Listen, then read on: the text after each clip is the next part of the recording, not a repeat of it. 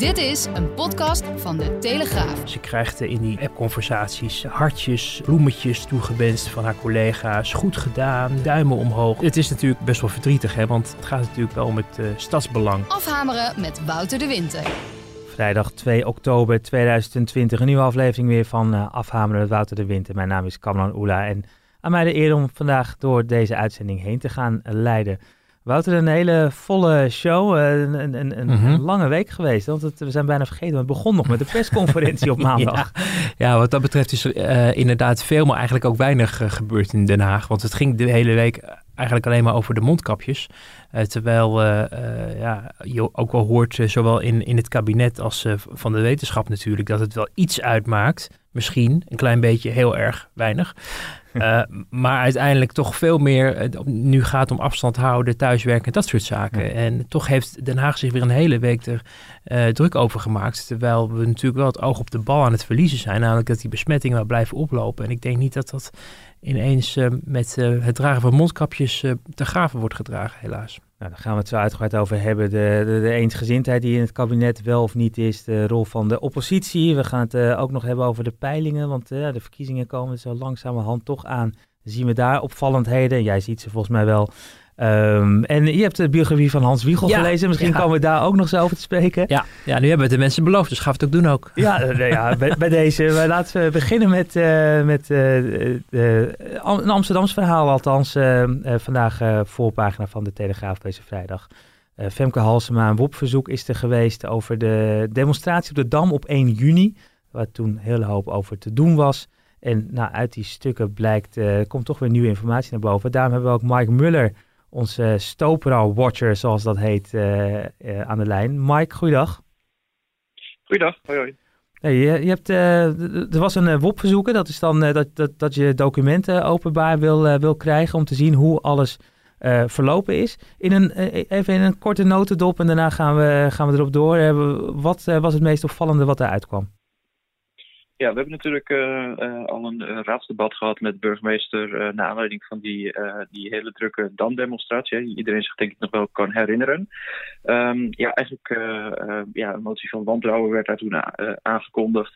En ja, dat, dat was op basis van de volksgezondheid die mogelijk in gevaar zou worden gebracht. Nou, uiteindelijk de burgemeester heeft dat overleefd. ze heeft zelf ook gezegd het is een kras eigenlijk blijkt nu, uh, ja, zo zeggen mensen ook op de, op de Stopra wel, het is nog steeds een open wond. Hm. Uh, uit deze nieuwe stukken komt namelijk gewoon naar voren dat uh, de gemeenteraad, ondanks dat er echt heel kritisch bevraagd is, ja, toch een beetje in de luren is gelegd. Hè? Er, er werd expliciet gevraagd bijvoorbeeld of het Openbaar Ministerie op de hoogte was en heeft zelf het besluit heeft genomen om ja, in te gaan grijpen of niet. Uh, nou, dat, dat blijkt dus, uh, dat blijkt de, de raad toch uh, ja, op zijn minst niet helemaal de waarheid te zijn verteld. Ondanks dat daar heel vaak ja, naar, naar, gevraagd is door verschillende raadsleden. Mm -hmm. ja, en uit deze stukken komt dat eigenlijk glashelder naar voren. Je ziet het Openbaar Ministerie dat niet alleen één dag na de Damdemonstratie, maar ook nog eens vijf dagen daarna, ja, schriftelijk toch, toch aangeeft. wij hebben niet met dit besluit ingestemd. Uh, ja, en de burgemeester heeft het altijd verkondigd als uh, een gezamenlijk driehoeksbesluit. Ja, dat is toch wel problematisch. Ja, Wouter, dit, dit, is, uh, dit is natuurlijk heel gek. Hè? De burgemeester wordt gewoon echt op de vrouw afgevraagd van... is dit een besluit van jullie drieën geweest? En mm -hmm. ze zegt gewoon ja. Ja. Ja, en, en, net als natuurlijk die vermelding dat uh, het allemaal zo onverwachts was, die enorme uh, oploop van mensen. Terwijl ze, blijkt ook uit uh, de, de, de WOP-stukken, wel degelijk zich al eerder zorgen maakten over een, een, hele grote groep mensen. En dan vervolgens alle toch wat smeuïge app-conversaties met, met haar mensen, met haar collega's, ook in het college van burgemeester en wethouders. waaruit je toch vooral, valt mij heel erg op, blijkt dat eigenlijk heel weinig mensen maar bezig zijn met het stadsbelang, maar mm. vooral met het belang van de burgemeester moet overeind blijven. Uh, ze krijgt in die, die, die app-conversaties uh, hartjes, bloemetjes toegewenst van haar collega's. Goed gedaan, duimen omhoog. Ze onderhoudt contact met leden van de, de gemeenteraad, fractievoorzitter van de PvdA, die, die ehm, ja, ja, toch ook haar complimenteert. En dan mag hij vervolgens met haar de horloges gelijk zetten op zondag dan voor het debat om kennelijk een soort samen, ja, het er nog eens over te hebben mhm. buiten het zicht van de camera, maar waarvan je dus al weet dat daar de angel al uit een mogelijke controlefunctie wordt gehaald. Want de gemeenteraad zit er natuurlijk om de burgemeester te controleren. en, en niet alleen maar om het lof toe te zwaaien, maar ook te kijken van is de gezondheid van Amsterdammers in het gevaar geweest? zij, is de gemeenteraad wel juist geïnformeerd? En je ziet eigenlijk dat ehm, een ja, flink deel van die, van die entourage van haar, of eigenlijk misschien wel de hele entourage, vooral bezig is om haar uh, een hart onder de riem te steken. Ja. Viel jij dat ook op, uh, Mike, dat we de, de denkvoorman, de PvdA-fractievoorzitter, Sylvana Simons, dat juist uh, in een bepaalde hoek er heel veel contacten is geweest? Ja, zeker. Dat is eigenlijk ook wel het verwijt van heel veel uh, oppositieraadsleden. Dat, dat zij toch uh, ja, niet de burgemeester is van alle Amsterdammers. Dat is al vaker naar voren gekomen. veel partijen voelen zich ook niet echt ja, gehoord bij haar. Ook niet als er kritiek is. En bovendien, er is nu ook wel wat twijfel ontstaan. Hè? ook over de intenties. Want bijvoorbeeld de ChristenUnie, Don Zeder, die heeft van tevoren ook een berichtje naar de burgemeester gestuurd, puur als waarschuwing. dat berichtje kun je ook teruglezen in de, in de app-conversaties, waarin hij eigenlijk aangeeft uh, ja, zijn, zijn zorgen over, uh, mm ja, over het feit dat uh, de, de sentimenten, vooral in, in Zuidoost, waar hij woont, dat die oplopen. Hij, hij waarschuwt haar eigenlijk en, en geeft haar mee van, joh, let op wat je doet. vervolgens wordt eigenlijk dat bericht wordt politiek misbruikt door het in, in, zelfs in, in conceptstukken op te nemen.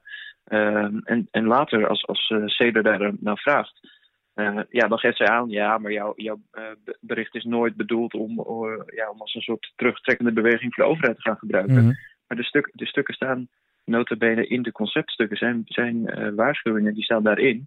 En het is uiteindelijk zijn er twee wethouders die daar vragen over stellen en zeggen waar, waarom doe je dat eigenlijk? Ja. Ik weet niet of dat, of dat wel handig is. dus eigenlijk ondermijn je dan ook ja, de, de raadsleden die jou in vertrouwen nemen mm. en een berichtje sturen ja, die ondermijn je daarmee door die politiek te gaan gebruiken, of misbruiken misschien zelfs, ja. om, je, om je eigen politieke verhaal overeind te houden. Overigens is het misschien nog wel goed om te melden dat, eigenlijk, dat we deze app-conversaties met de raadsleden ja, in handen hebben. Dat, dat is eigenlijk het, ja, het resultaat van een slechte lobby van D66. Want uh, achter de schermen is er uh, afgelopen uh, week echt rumoer geweest. Omdat uh, D66-voorman Renier van Danzig erachter kwam dat ja, ook de appjes van raadsleden onder de wol vallen. En daar had hij toch grote principiële bezwaren tegen, is mij verzekerd door meerdere mensen. Ja. Um, nou, die lobby heeft niet helemaal gewerkt kennelijk, want er waren ook heel veel raadsleden die er helemaal geen bezwaar tegen hadden om deze appjes te openbaren. Hebben de appjes dus van Renier van Danzig ook kunnen zien?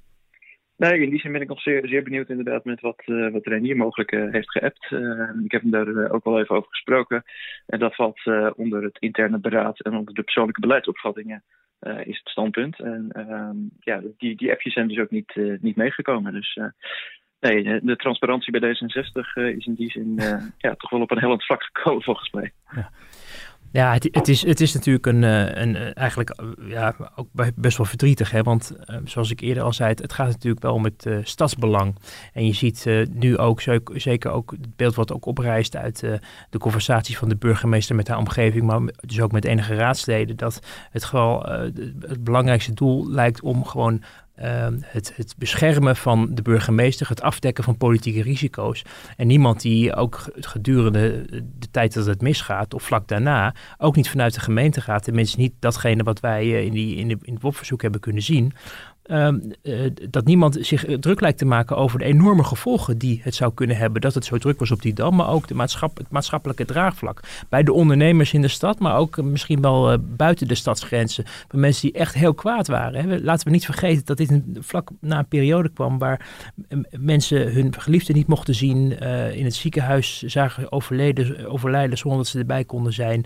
hun dierbaren niet konden ontmoeten, omhelzen, aanraken, weet ik veel wat allemaal.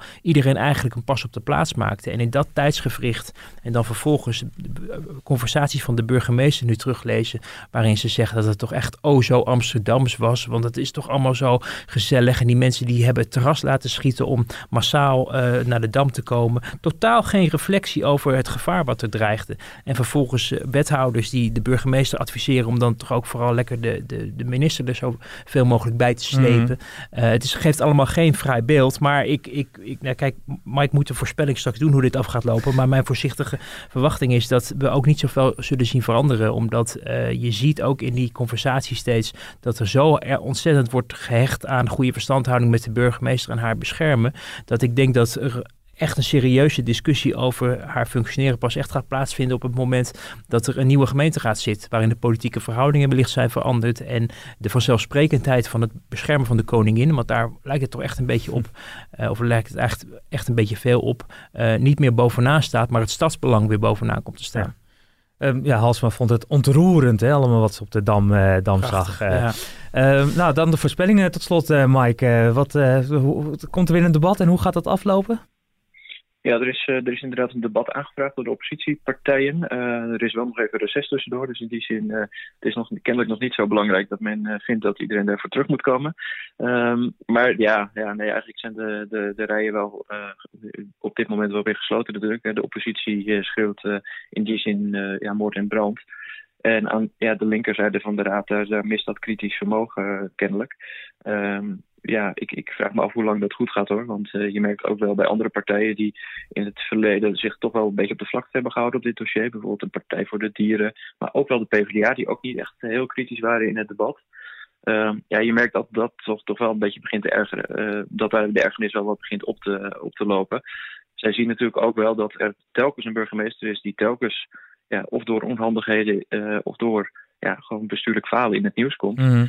Uh, en op een gegeven moment ja, is dat natuurlijk dat krediet, krediet aan die kant ook wel een beetje verspeeld. Ja. Maar of, dat, of dit dan de angel is, dat, dat durf ik niet te zeggen. Uh, er komen natuurlijk nog wel twee uh, onafhankelijke onderzoeken ook naar, naar aanleiding van deze kwestie. op een gegeven moment kan het zich natuurlijk ook gaan opstapelen. En dan, dan is wel de vraag hoe die rekensom uitpakt. Nou, kortom, voor jou nog uh, mooie, drukke, vooral weken tegemoet. Uh, want uh, er komt nog een debat, er komen nog onderzoeken. Mike Muller, uh, vandaag een mooie onthulling in de Telegraaf. Jij blijft het uh, voor ons volgen. Dankjewel. Zeker, dank. Nou, vanuit het Amsterdamse gaan we gewoon weer naar, door naar, uh, naar Den Haag, uh, Wouter. Want uh, daar is hopelijk wel iets meer kritisch vermogen rond, rond het kabinet. oh, je lacht dan meteen. Ja, nou, dat is wel grappig wat je, wat je ziet. Vorige week een heel veel debat geweest, maar uiteindelijk toch een, een, oppositie die vooral blaft, maar niet bijt.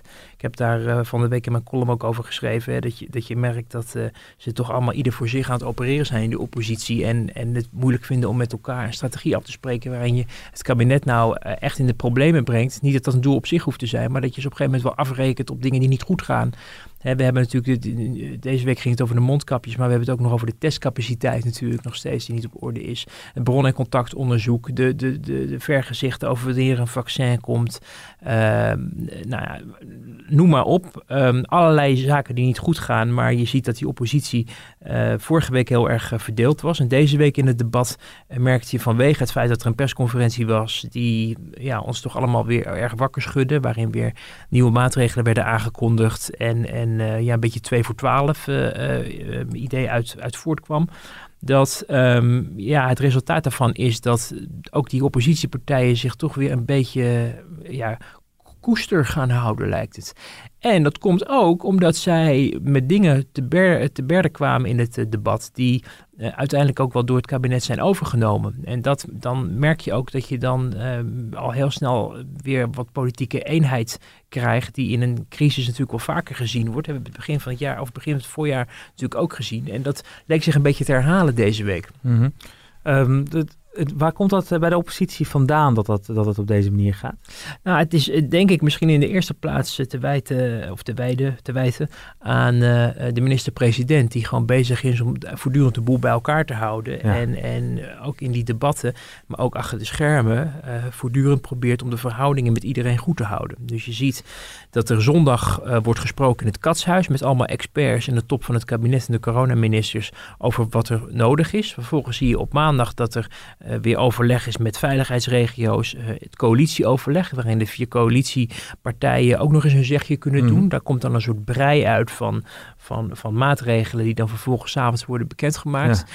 Ehm, dan gaat er woensdag wordt er wordt beperkte mondkapjesadvies wordt landelijk uitgebreid, omdat dat ineens ook vanuit de oppositie wordt geantameerd en dat wordt dan door de premier omarmd, omdat hij ook kan tellen en ziet dat er zowel in oppositie als coalitie behoefte aan is. er wordt vervolgens gezegd, we gaan het voor het onderwijs is het niet nodig om vervolgens op donderdag het weer wel nodig te verklaren. zo zie je dus dat er in, in een hele week eigenlijk een hele wiebelige koers wordt gevaren, waarin de politiek heel veel invloed heeft op beslissingen die tot voor kort steeds werden geparkeerd en ook werden ja, uh, verscholen achter de zogenaamde adviezen van de experts. Um, waardoor je je kan afvragen van, goh, wat, zou, wat zouden uh, uh, Rob Jette en um, Jesse Klaver en, en Rodewijk Asje eigenlijk voor verstand hebben van nut en noodzaak van mondkapjes. Um, als, als we toch denken dat de experts daar eens over zouden moeten gaan. Uh, maar hun stem is wel heel belangrijk, want mm. het gebeurt ook nog deze ja. week. Dus dat is een hele gekke situatie dat eerst werden, gebeurden dingen alleen op basis van de wetenschappelijke inzichten. Nu gebeurt het meer vanwege een soort gevoel, want mensen vinden het onduidelijk en daarom moet het maar voor het hele land. Zonder dat er vervolgens echt heel erg bij wordt doorgedacht van is het uitvoerbaar? Ik bedoel, ik was eh, gisteren bij het tankstation, ik was in de Albert Heijn, ik was bij de Starbucks, geen mondkapje te bekennen.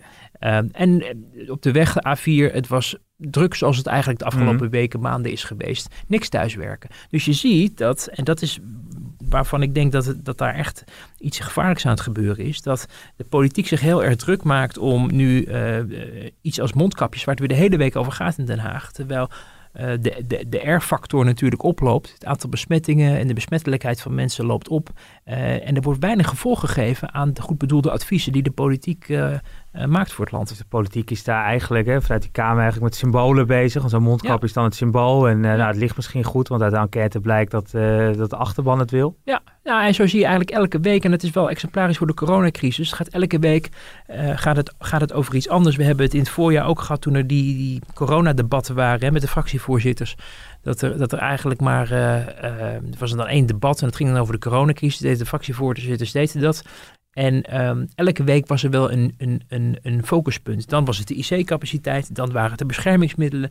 En het bredere plaatje verdwijnt. En ondertussen kan het kabinet lekker doorregeren. Ja. Maar de vraag is of, of, of de focus van, van uh, het parlement en misschien ook wel van de media, misschien moeten we ook hand in eigen boezem steken, wel heel erg, uh, ofwel, ofwel voldoende gericht is op datgene wat echt het verschil maakt. En wat ook de gevolgen zijn. Hè? Waarom besluit je om tien uur, om, de, om tien uur de horeca dicht te doen? Waarom, waar komt tien uur vandaan? Mm. Is het half tien? Oh, waarom is het niet negen uur? Waarom is het niet half elf? Ik probeer dat de afgelopen dagen na te vragen. Niemand wist het antwoord.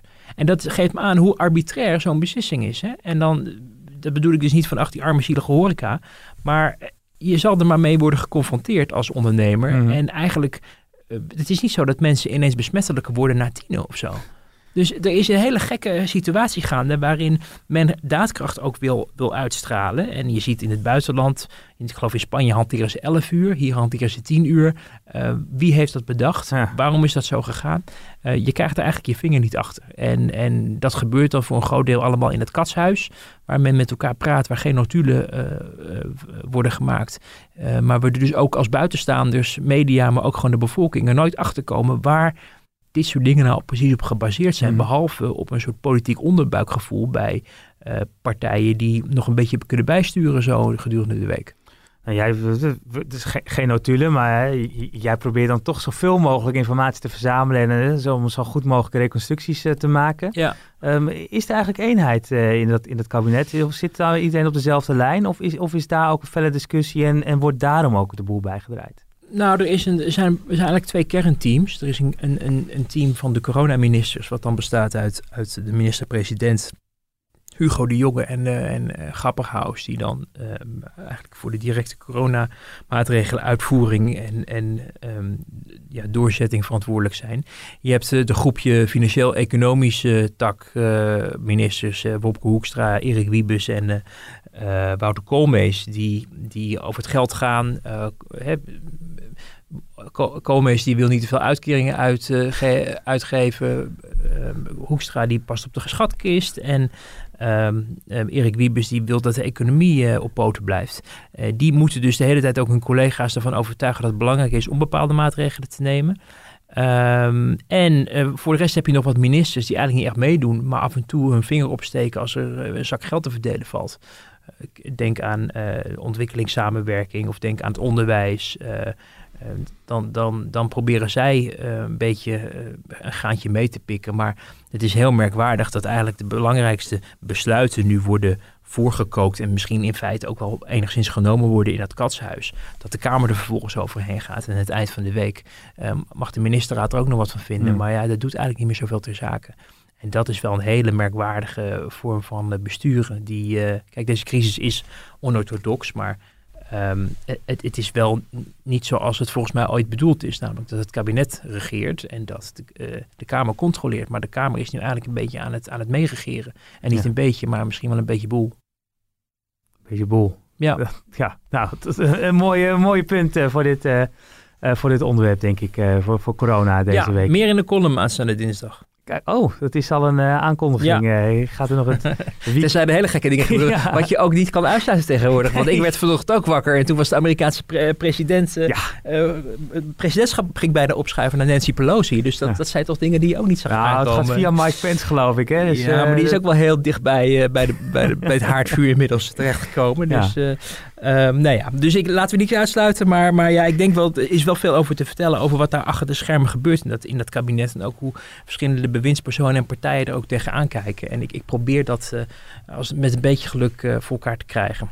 Dus dat is nu bijna een verplichting, denk ik, voor de luisteraars. Dat goede tijden, slechte tijden bestaat 30 jaar. En die hebben elke dag zo'n hele goede klik, cliffhanger. Maar dit, dit deze, is al, ja. ja, ja. Die, die, deze staat. Uh, we gaan een column volgende week dinsdag ja. uh, lezen. En uh, de, de, liefhebber kan hem op maandagavond uh, waarschijnlijk al op de site ja. lezen. We hebben het al even net over die, die, die, die, Kamerfracties die misschien toch ook al een beetje richting die verkiezingen aan het kijken zijn. Naar de achterban. Nou, wij focussen ons ook langzamerhand die ja. kant op. Dus de peilingen die, vier, die eigenlijk continu gedaan worden, die, die worden relevanter. Eén vandaag, die peilt geloof ik elke vier weken. Uh, en die hebben althans nu weer een, een, nieuwe peiling. Na drie maanden daling is de VVD weer aan het stijgen. Ja, een direct verband kan ik niet leggen. Maar we zagen ook in de eerste coronagolf dat het vertrouwen in Rutte de VVD opstuwde. Ja, 40 zetels hebben ze nu. Maar ook de grote criticus van het kabinet stijgt door. Wilders gaat naar 20 zetels, is nu de tweede partij van het land. Ja, en je ziet, hij trekt weer twee zetels weg bij Baudet, die wegzakt naar zeven. Ja, dat is een dieptepunt. De laatste keer dat Forum zo laag stond in onze peilingen was precies drie jaar geleden. Ja, dat was toch wel een, een heel interessante toch ontwikkelingen die ook aangeven dat er achter de schermen uh, dingen aan het gebeuren zijn bij die verschillende politieke partijen waar we weinig over hebben, omdat het alleen maar over corona gaat, die mondkapjes deze week. Maar je ziet dat de VVD op een, op een, op een nou ja, uh, toch een bizar niveau van 40 zetels ja. daar terecht is gekomen. Echt een trend waarin je ziet dat die partij wel heel stevig in het zadel zit. Uh, ook het CDA weer een beetje bij won. Ik denk ook toch vanwege het feit dat uh, Hugo de Jonge coronaminister is. Dus daar zullen ze een, een, een zucht van opluchting slaken, denk ik. Mm. Uh, maar je ziet bijvoorbeeld bij Vorm voor Democratie dat het niet goed gaat. Nou. En wat wij merken ook, en ik denk dat veel media dat zien. je hoeft daar trouwens niet, heel, niet eens voor in Den Haag te werken. Maar je kan ook gewoon op sociale media kijken. Waarin je steunpilaren van Forum voor Democratie afscheid ziet nemen. Mm. Omdat mensen toch ja, teleurgesteld zijn in, in Baudet, in zijn optreden in de Tweede Kamer, maar ook in zijn um, uh, opstelling richting uh, de, ja, toch de, de, virusgekkies, zoals ik ze maar even zal noemen, daarmee op de foto gaat, eigenlijk het probleem min of meer uh, ontkent en, en. En die achterban Forum is natuurlijk voor een deel heel erg conservatief. En dat zijn mensen die dromen van, van mooie vergezichten met, met wapperende Nederlandse vlaggen op 17e eeuwse handelsschepen, maar tegelijkertijd ook uh, wel verwachten uh, dat uh, de, met beide benen op de grond gestaan wordt. En dat op het moment dat de nood aan de man is, er wel um, ja, ook wat gebeurt in het land. En mm. niet alles wordt weggewuifd. En ik denk dat dat een reden is. Je zag ook uh, Annabel Nanninga, notabene senator en fractievoorzitter in, in de Amsterdamse gemeenteraad, uh, wat kritische uh, dingen uiten over um, ja, de influencers, rappers, dat soort mensen die zich ermee bemoeien. Waar dus ook Tweede Kamerleden, in ieder geval Baudet, maar ook Van Haga, die er toch wel erg tegenaan schurkt, zich wel erg mee inlaten. Dus ik denk dat dat dat, dat daar de komende tijd nog wel eens wat kan gaan gebeuren. En uh, hetzelfde zie je gebeuren bij een partij als D66. Wel hetzelfde, hetzelfde kwaad dat er een boel in beweging is. Want je ziet niet dat D66 zich met de virusgekkies in en laat. Maar uh, wel, um, de, die, die partij, er gebeurt wel wat. Er is een, een merkwaardig interview geweest van de Sigrid Kaag in, in NRC. heel bijzonder was uh, een paar weken, een paar maanden geleden een interview met Rob Nou, er was een warm bad met ezelinnenmelk mm. voor klaargezet. En dit keer werd er door de NRC uit een heel ander vaatje getapt. En werd zij echt uh, uh, ja, werd eigenlijk werd ze toch ook, waar wij het ook hier in de, de, de, podcast vaker over hebben, toch op redelijk eenvoudige manier ontmaskerd. Als iemand die wel zegt dat er een nieuw leiderschap moet komen. Maar als je dan een beetje doorvraagt, met echt helemaal niet zulke ingewikkelde vragen hoor. Gewoon vragen uit het verkiezingsprogramma. Of wat vindt u van uw agenda, de agenda van uw partij met medische-ethische kwesties. En dan wordt gewoon Pia Dijkstra, de, eigenlijk de, de, de, het, Kamerlid, het enige Kamerlid dat echt wat bereikt heeft bij D66 de afgelopen drie jaar, wordt gewoon min of meer bij het vuil gezet. Van ja, daar zijn de mensen allemaal niet mee bezig met dat voltooid leven. Voltooid leven, ja. Um, dus dat viel mij op, maar ook het verkiezingsprogramma, eh, over de belastingen, uh, dingen die je gewoon van verre af kon zien aankomen, waar je op kon voorbereiden, waar ze geen antwoord op heeft. En maar blijft dromen in wat leiderschap wel niet moet betekenen. En vervolgens veel naar je politieke assistent kijken. Die, dat was steeds een soort terugkerend bijzinnetje ze kijkt naar de politieke assistent. Dodelijk. Dodelijk was het. En wat dat betreft ook zeer, zeer vermakelijk het interview. Uh, uh, waarvan je echt niet, weet je, met de beste wil van de wereld. Hè, want we, we moeten mensen, nieuwkomers, mensen die hun vinger opsteken. die in Den Haag iets willen veranderen of voor elkaar willen krijgen. of ze nou al in politieke actief zijn of erbuiten. die moet je niet bijvoorbeeld disqualificeren. Dat vind ik echt niet. Maar als je, als je zulke grote broeken aantrekt. van, van ik, ik kom nieuw leiderschap brengen en ik ga het allemaal anders doen. Uh, en, en, dit is het resultaat. Mm. Na al die weken en maanden van zogenaamde voorbereiding, dan blijft er wel heel erg weinig over. Uh, en dat zie je dus ook in die peilingen hè, waar je het over had, dat die partij ook weer twee zetels eraf uh, mm. ziet glijden. En ik heb me laten vertellen dat daar ook intern ook wel ja, nodige rumoeren over is gegaan. Alleen dat zij zichzelf nog heel erg op het standpunt staat dat het allemaal de schuld is van het NRC Handelsblad. Mm. Terwijl ik denk, ja, dit is niet iets wat alleen NRC heeft geconstateerd, maar wel meer media de afgelopen tijd. Ik zal de meest voor de hand liggende niet noemen, maar um, je ziet wel dat dat, dat, dat, dat beklijft langzamerhand wel. En D66 moet dus ook echt, denk ik, alle zeilen bijzetten om, om ja, ze hebben nu voor haar gekozen. Uh, ze moet echt aan de bak. En het, en het kan ook, hè, want ze is geen coronaminister. Ze bemoeit zich nauwelijks, begrijp ik, in de ministerraad met het hele dossier. Mm. Ontwikkelingssamenwerking, buitenlandse handel ligt nagenoeg stil. Vorige week over gehad, ligt ja, stil. want je mag niet reizen. Dus er is tijd zat om je te verdiepen. En uh, ik zag wel iets voorbij komen dat ze nu met Nikki Tutorials, dat dat een grote inspiratiebron voor de was of zo. Dus, oh, nou, dat scheelt Ja, dat je ook denkt van, oh god, gaan we daar de oorlog mee winnen? Dat weet ik, dus daar is heel veel werk aan de winkel. En um, ik denk erg goed opletten bij, bij die partij ook um, de komende tijd. Want de tijd moet langzamerhand wel echt gaan, gekeerd uh, gaan worden. Ja. Dat is ook opvallend, hè? want ze wisten een aantal dingen uit het programma niet, maar ze staat ook niet helemaal achter dat verkiezingsprogramma. Dat kwam ergens ook een beetje naar voren, toch? Dat ze ja. zei van ja, dat is raar als ik het ga amenderen, want dat doe je niet als politiek leider. Ja, nee, maar dat geeft dus aan dat het iemand is die toch een soort Alice in Wonderland nog steeds mm. na drie jaar ministerschap in de politiek opereert, die niet weet dat het eigenlijk geen pas geeft dat als jij een, een, politiek leider wil worden met een partij, dat je dan een verkiezingsprogramma hebt waar je in ieder geval wel mee eens moet zijn. Ja. En dat je zeker niet en ten alle tijden niet moet gaan roepen in interviews dat je het eigenlijk niet eens bent met je eigen verkiezingsprogramma. Je bent daarmee zo kwetsbaar. Dus dan, dan ga je daar overheen. Of dan zeg je van ja, nee, mijn partij vond het heel belangrijk. Of ik kan me niet schelen wat je verzint. Maar hou het front gesloten. En maak niet van je eigen verkiezingsprogramma, dus eigenlijk het verhaal waar, waar jouw partij en, en vele verstandige mensen in jouw partij de afgelopen uh, uh, maanden uh, echt hun best voor hebben gedaan. Um, ja, disqualificeer dat niet. Want dan disqualificeer je ook ja, die mensen die achter de schermen wel zich in de materie hebben verdiept. en uiteindelijk is dat wel, um, ja, is dat wel, leidt dat wel tot rot intern. Want mensen zien dat natuurlijk wel. Mensen zijn niet gek. Ik weet bijna één ding zeker, dat uh, Nicky Tutorials en uh, Boy JJ, geloof ik, niet voorkomen. Ja, dat zijn de influencers waar we het over hebben. Niet voorkomen in de memoires van uh, Hans, Hans Wiegel. Nee, nee, nee. nee, nee dan, dan verlang, als je dat boek leest, ik heb dat de afgelopen weken gedaan. Het was een, een lijvig boek, 766 pagina's dik, met, met een enorme beschrijving van het, het leven van Hans Wiegel in de politiek. Maar ook voordat hij politiek ging en daarna. Um, en dan, ja, het is alsof je eigenlijk een tijdmachine binnenstapt, mm. waarin je, ik bedoel, ik ben van, van 79. Nou, rond die tijd was, was Hans Wiegel vicepremier. En ehm, je, je, merkt wel dat, dat als je dat als je dat leest en ook de tijd daarvoor, het is leuk omdat je het zelf niet hebt meegemaakt. Zeker omdat ik nog niet geboren was, maar ook omdat ik toen ik wel geboren was, natuurlijk te jong was om het mee te mhm. maken. Over hoe dingen destijds gingen in de politiek. En, en daar, dat wordt door Wiegel ook beschreven richting de auteur uh, met allerlei hele smakelijke anekdotes hè, op Paleis uh, Soesdijk. Dat, dat, Juliana, die toch een beetje zweverig is, zegt van... Goh, kunnen we niet een gebaar maken? Kunnen we geen mensen gratie verlenen? Nou ja, dat wil, willen Van Acht en Wiegel niet. Maar laten we dan ze allemaal een taart sturen om toch het een beetje mee te vieren. En waarop Wiegel zegt, dat is, lijkt me fantastisch idee. En dan spuiten we er met slagroom op. En nog vele jaren. Weet je, nou, dat soort dingen. Het is, het is niet eens een nieuwe anekdote, want hij is wel eens eerder natuurlijk opgeschreven. Maar er zijn een heleboel interessante eh, dingen die je terugleest. Zijn verhouding met Den Uil.